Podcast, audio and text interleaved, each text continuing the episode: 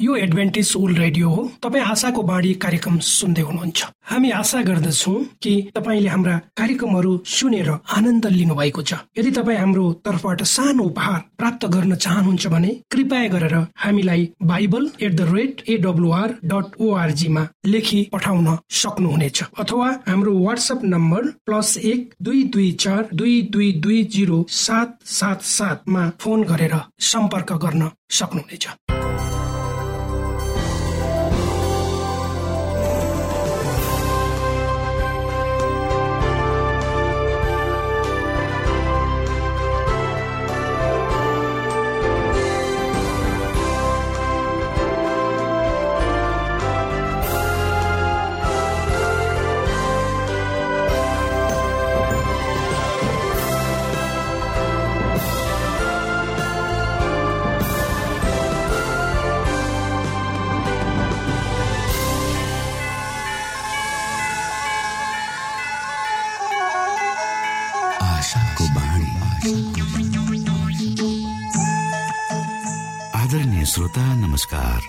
समय तपाईँ Adventist world रेडियोको प्रस्तुति भोइस अफ होप आशाको बाणी कार्यक्रम सुन्दै हुनुहुन्छ। कार्यक्रम प्रस्तुता म रवि यो समय तपाईँको साथमा छु। आफ्ना कामहरू अनि व्यस्ततालाई एकातिर राखेर हामीसँग केही समय बिताउने क्रममा यहाँ हुनुहुन्छ। हामी यहाँलाई हाम्रो कार्यक्रममा सहभागी हुनका लागि अनुरोध गर्दछौ। हामी साँचो परमेश्वर तपाईँलाई माया गर्ने परमेश्वर तपाईँलाई उद्धार गर्न चाहने परमेश्वरका विषयमा जानकारीहरू प्रस्तुत गर्ने क्रममा छौ। श्रोता यी जानकारीहरू तपाईँको निमित्त अति महत्वपूर्ण पनि हुन सक्दछन्। परमेश्वरको प्रेमले तपाईँको जीवन सञ्चालन गर्न सकेको होस् भन्ने शुभ चाहना सहित हाम्रो कार्यक्रमलाई अगाडि बढाउ सुरुमा सुनौ यो आत्मिक भजन।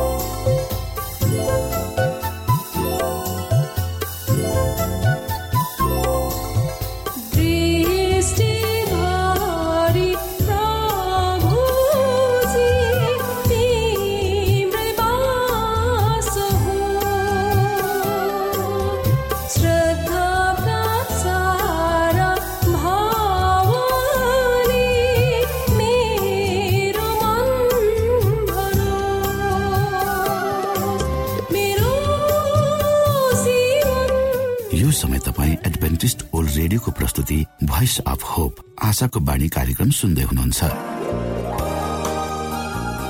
तपाईँ आशाको बाणी कार्यक्रम सुन्दै हुनुहुन्छ। हामी आशा गर्दछौ कि तपाईँले हाम्रा कार्यक्रमहरू सुनेर आनन्द लिनुभएको छ। यदि तपाईँ हाम्रो तर्फबाट सानो उपहार प्राप्त गर्न चाहनुहुन्छ भने कृपया गरेर हामीलाई bible at the rate AWR dot ओआरजीमा लेखी पठाउन सक्नुहुनेछ। अथवा हाम्रो वाट्सएप नम्बर प्लस एक दुई दुई चार दुई दुई दुई जिरो सात सात सातमा फोन गरेर सम्पर्क गर्न सक्नुहुनेछ। श्रोता मित्र यो समय हामी पास्टर उमेश पोखरेलबाट आजको बाइबल सन्देश सुन्नेछौ। श्रोत साथी न्यानो अभिवादन साथ म तपाईँको आफ्नै आफन्त अर्थात् पास्टर उमेश पोखरेल परमेश्वरको वचन लिएर यो रेडियो कार्यक्रम मार्फत तपाईँहरूको घर आँगनमा पुनः उपस्थित भएको छु। मलाई आशा छ तपाईँले हाम्रा कार्यक्रमहरूलाई नियमित रूपमा सुनेर परमेश्वरका आशिषहरू प्राप्त गर्दै हुनुहुन्छ। श्रोत साथी आउनुहोस्। आजको प्रस्तुतिलाई पस गर्नुभन्दा पहिले परमेश्वरमा अगुवाईको लागि बिन्ती राखौँ। जीवी जिउँदो महान दयालु परमेश्वर प्रभु हामी धन्यवादी छौँ यो जीवन र जीवनमा दिनुभएका प्रशस्त आशिषहरूको लागि। प्रभु यो रेडियो कार्यक्रमलाई म तपाईँको हातमा राख्दछु।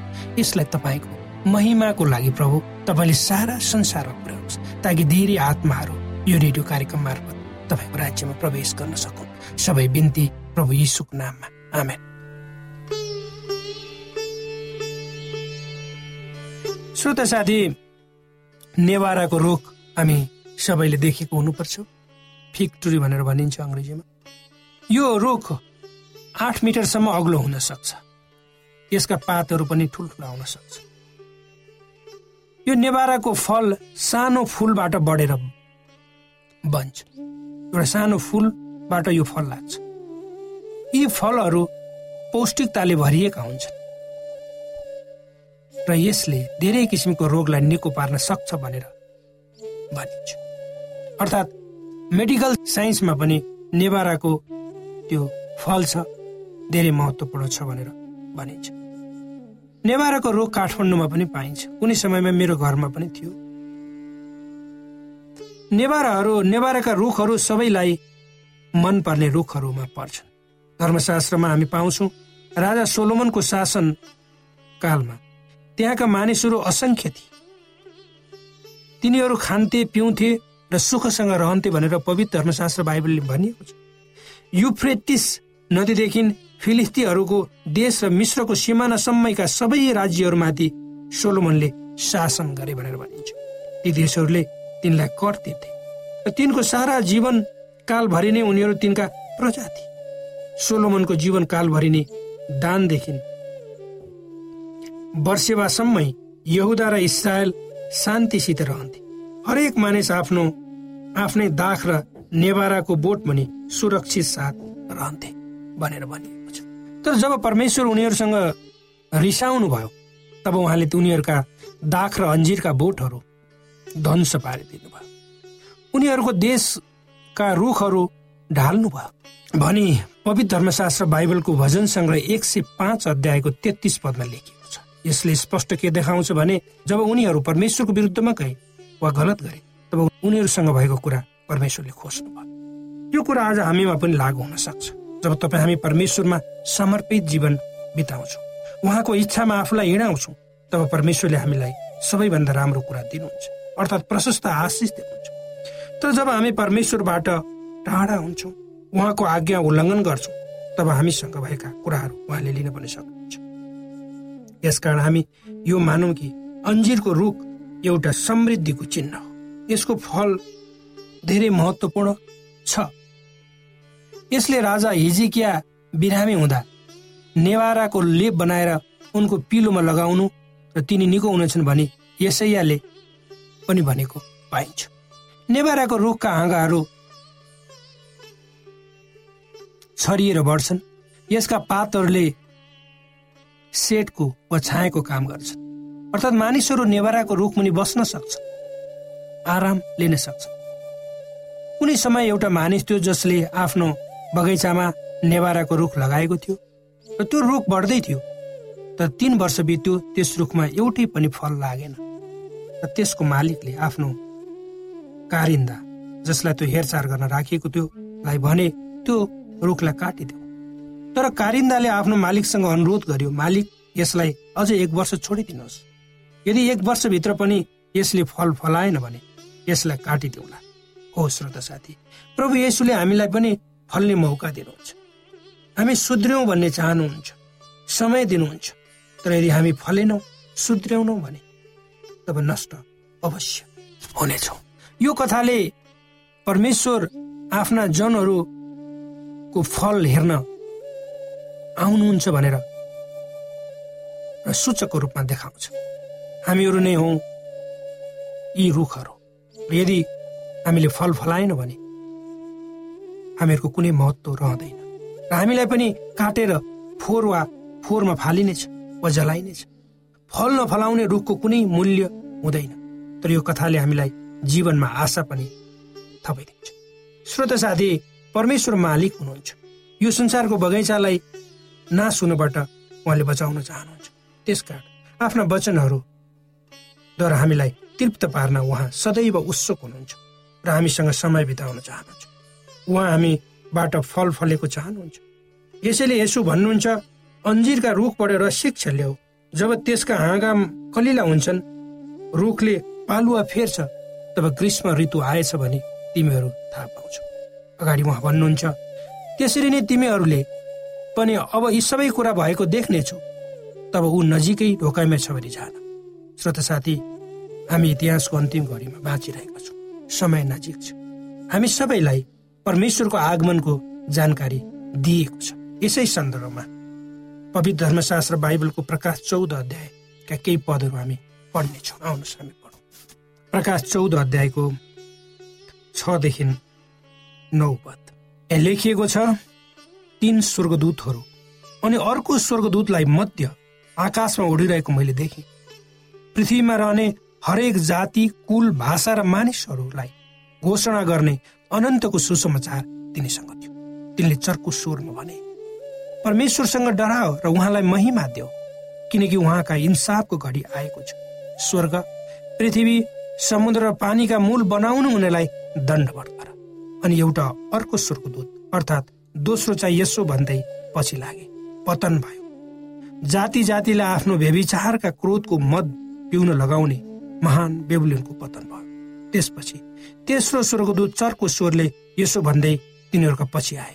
यदि कुनै मानिसले त्यो पशु र त्यसको मूर्तिलाई पुज्यो र निधार वा हातमा त्यसको छाप लियो भने त्यसले पनि उहाँको क्रोधको कचौरामा केही नमिसाई तयार गरिएको परमेश्वरका क्रोधको कडा मत पिउनेछ र पवित्र स्वर्गदूतहरू र थुमाको सामुन्ने आगो र गन्धकमा त्यसलाई यातना दिनेछ हो श्रोता साथी हामीलाई स्पष्ट रूपमा पवित्र धर्मशास्त्र बाइबलले भनेको छ र चेतावनी पनि दिएको छ। र आज हामीले त्यो स्वर्गदूतको रूपमा हामीले सारा संसारमा सारा संसारका मानिसहरूलाई अनन्तको सुसमाचार हामीले सुनाउनु पर्छ परमेश्वरसँग डराओ। उहाँको महिमा गर उहाँलाई महिमा देऊ किनकि उहाँ नै उहाँले नै पृथ्वी स्वर्ग समुद्र र पानीका मूलहरू बनाउनु भयो। यी वचनहरूले तपाईँलाई आशिष दिउन्।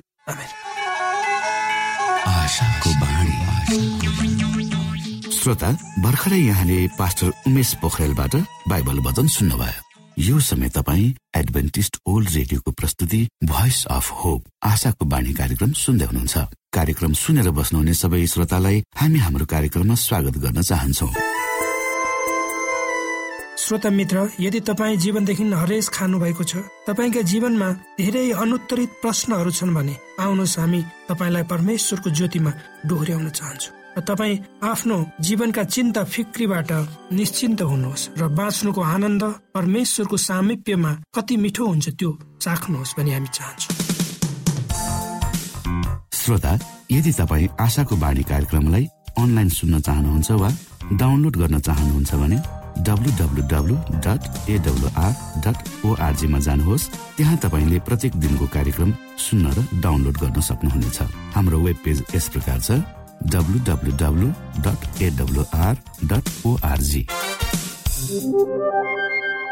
श्रोता यदि तपाईँ हामीसित सिधै फोनमा सम्पर्क गर्न चाहनुहुन्छ भने हाम्रा नम्बरहरू यस प्रकार छन्।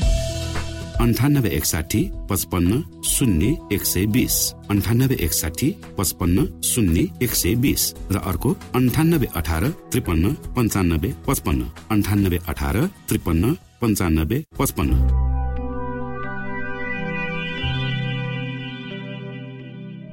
यो एडभेन्टिस ओल्ड रेडियो हो। तपाईँ आशाको बाणी कार्यक्रम सुन्दै हुनुहुन्छ। यस सम्बन्धी थप जानकारीको लागि कृपया गरेर हामीलाई सम्पर्क राख्न सक्नुहुनेछ। हाम्रो इमेलको ठेगाना bible at the rate AWR dot ORG अर्थात् BIBLE at AWR dot ORG हो।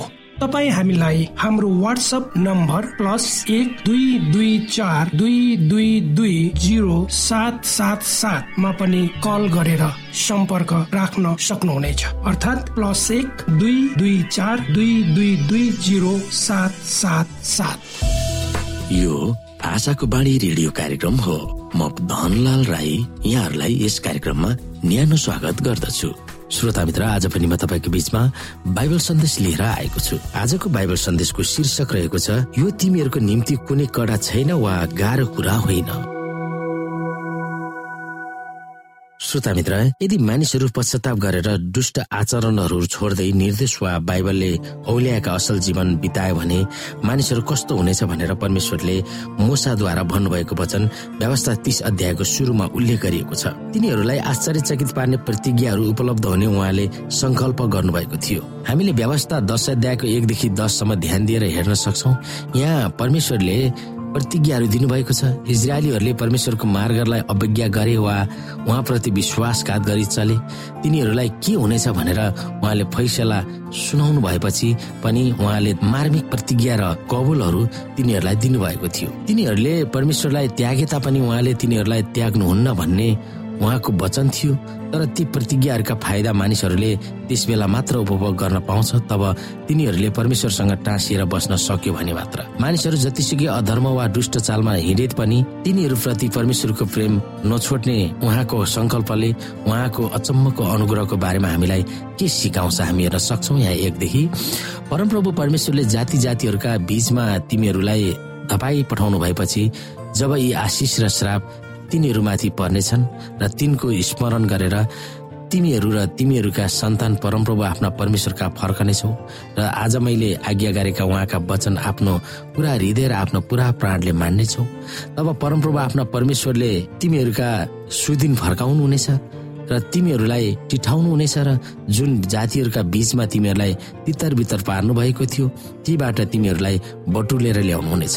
तिमीहरू देश निकाला भएर आकाश मुनिको सबैभन्दा टाढो देशमा भए पनि त्यहाँबाट परमप्रभु तिमीहरूका परमेश्वरले तिमीहरूलाई बटुल्नु हुनेछ र त्यहाँबाट तिमीहरूलाई फर्काएर ल्याउनु हुनेछ तिमीहरूका पिता पुर्खाले अधिकार गरेको देशमा परमप्रभु आफ्ना परमेश्वरले तिमीहरूलाई ल्याउनु हुनेछ र तिमीहरूले त्यसको अधिकार गर्नेछौ र उहाँले तिमीहरूलाई तिमीहरूका पिता पुर्खा भन्दा उन्नतिशील र असङ्ख्य बनाउनु हुनेछ परमप्रभु तिमीहरूका परमेश्वरलाई तिमीहरूले आफ्नो सारा हृदय र आफ्नो सारा प्राणले प्रेम गर्नलाई उहाँले तिमीहरूको र तिमीहरूका सन्तानको हृदयको खतना गर्नुहुनेछ र तिमीहरू जिउन सक। परमप्रभु तिमीहरूका परमेश्वरले यी सबै श्रापहरू तिमीहरूलाई हेला गर्ने र खेदो गर्ने तिमीहरूका शत्रुहरूमाथि ल्याउनुहुनेछ तिमीहरूले फेरि परमप्रभुको वचन मान्नेछौ र आज मैले तिमीहरूलाई दिएका उहाँका सबै आज्ञाहरू पालन गर्नेछौ। तब तिमीहरूका हातका सबै काममा सन्तानमा गाई बस्तुका बाछा बाछीहरूमा र भूमिका अन्नहरूमा आफ्ना परमेश्वरले तिमीहरूलाई अघोर वृद्धि गराउनुहुनेछ। व्यवस्थाको यस पुस्तकमा लेखिएका उहाँका आज्ञाहरू विधिहरू पालन गर्यो भने र आफ्नो पुरा हृदयले र आफ्नो पुरा प्राणले परमप्रभु आफ्ना परमेश्वरतिर तिमीहरू फर्क्यौ भने तिमीहरूका पिता पुर्खासँग उहाँ प्रसन्न हुनु भए चाहिँ परमप्रभु तिमीहरूसँग फेरि प्रसन्न हुनुहुनेछ र तिमीहरूलाई वृद्धि गर्नुहुनेछ। परमेश्वरका ती अमूल्य वचनहरू हाम्रो कानले सुन्दा हामीलाई कस्तो आनन्द र सान्त्वना पाउँछौँ। ती वचनहरू सुन्दा इजरायलीहरू सन्चो मान्नु पर्दथ्यो तर एउटा नीतिमा तिनीहरू स्पष्ट हुनु पर्दथ्यो परमेश्वरले हामीलाई माया गर्नुहुन्छ हामीलाई उहाँले प्रतिज्ञा अनुसार प्रतिज्ञा गरिएको भूमिमा ल्याइ हाल्नुहुन्छ। त्यसकारण उहाँका आदेशहरू पालन नगरे पनि केही फरक पर्दैन भन्ने गलत नीति ती इसरायलीहरूले अप्नाउन छुट दिएको छैन न त हामीलाई नै दिएको छ। परमेश्वरले हल्का सस्तो वा त्यसै आउने अनुग्रहको प्रतिज्ञा गर्नुभएको छैन। त्यो अनुग्रह त्यस बेला मात्र उपलब्ध हुन्छ वा विश्वासीहरूले उपभोग गर्न पाउँछ। जब तिनीहरूलाई परमेश्वरले प्रेम गर्नुहुन्छ भन्ने दिव्य ज्ञान जानेपछि त्यस प्रेमले उहाँप्रति लोतपोत हुन सक्छ। उहाँलाई प्रेम गर्छु भनेर मुख वा ओठले मात्र होइन उहाँका वचनहरूलाई सिरोपर गरेर वा आज्ञा पालनको जीवनले प्रकट गर्नुपर्छ। उहाँलाई मान्ने मात्र होइन। उहाँले तिनीहरूलाई दिनुभएको नीति निर्देशनहरू पनि मान्न उहाँले अपेक्षा गर्नुभएको छ। त्यसको फलस्वरूप मानिसहरूले उहाँको अनुग्रहको फाइदा उठाउन सक्छ र अनुभव पनि गर्न सक्दछ। यसै गरी हामी व्यवस्था तिस अध्यायको एकदेखि चौध पनि ध्यान दिएर पढ्न सक्छौ। यहाँ परमेश्वरले के बोलिरहनु भएको छ?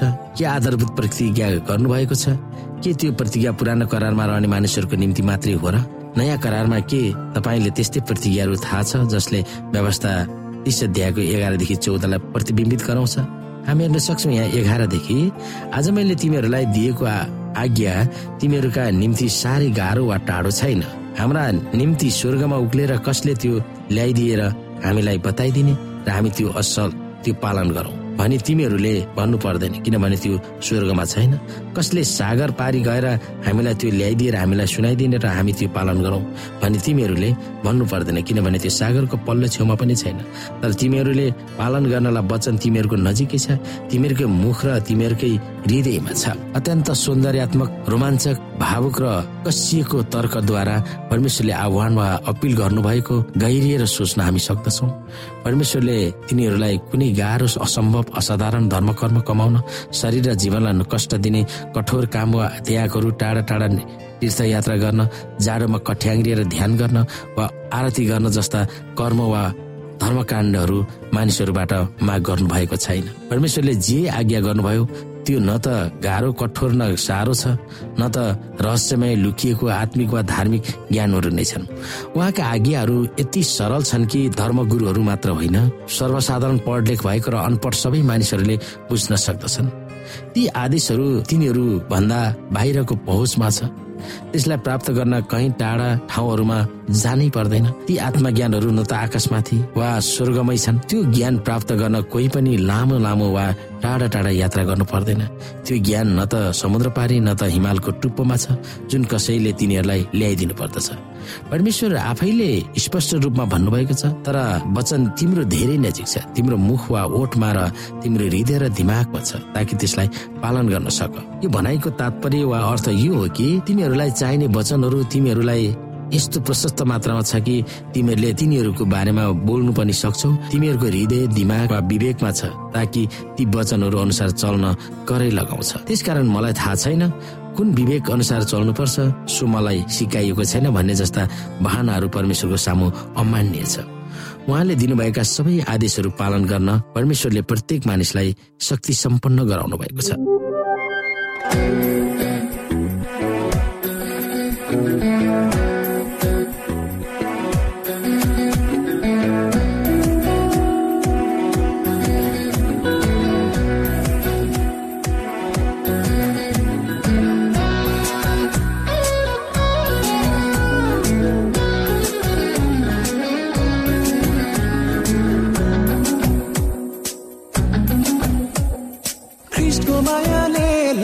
ख्रिस्टको मायाले ख्रिस्टको मायाले लौना ख्रिस्टको मायाले जीवनमा खुसी दिन्छ ख्रिस्टको मायाले ख्रिस्टको वचनले लौना ख्रिस्टको वचनले अजम्बरी जीवन दिन्छ ख्रिस्टको वचनले। हा,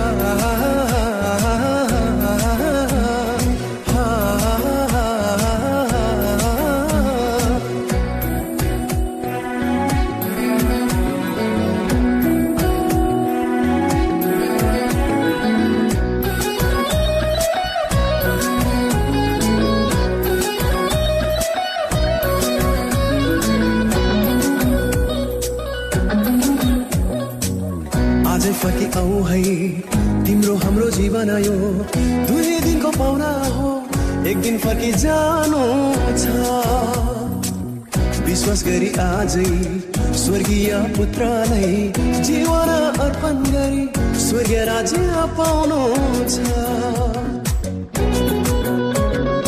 विश्वास गर्नेलाई ख्रिसमा विश्वास गर्नेलाई विश्वास गर्नेलाई ख्रिसमा विश्वास गर्नेलाई धार्मिकताको मुकुट छ है विश्वास गर्नेलाई ख्रिसमा जिउनेलाई लाउन ख्रिसमा जिउनेलाई। ख्रिसमा जिउनेलाई लाउन ख्रिसमा जिउनेलाई। जीवनको उधार छ है ख्रिसमा जिउनेलाई।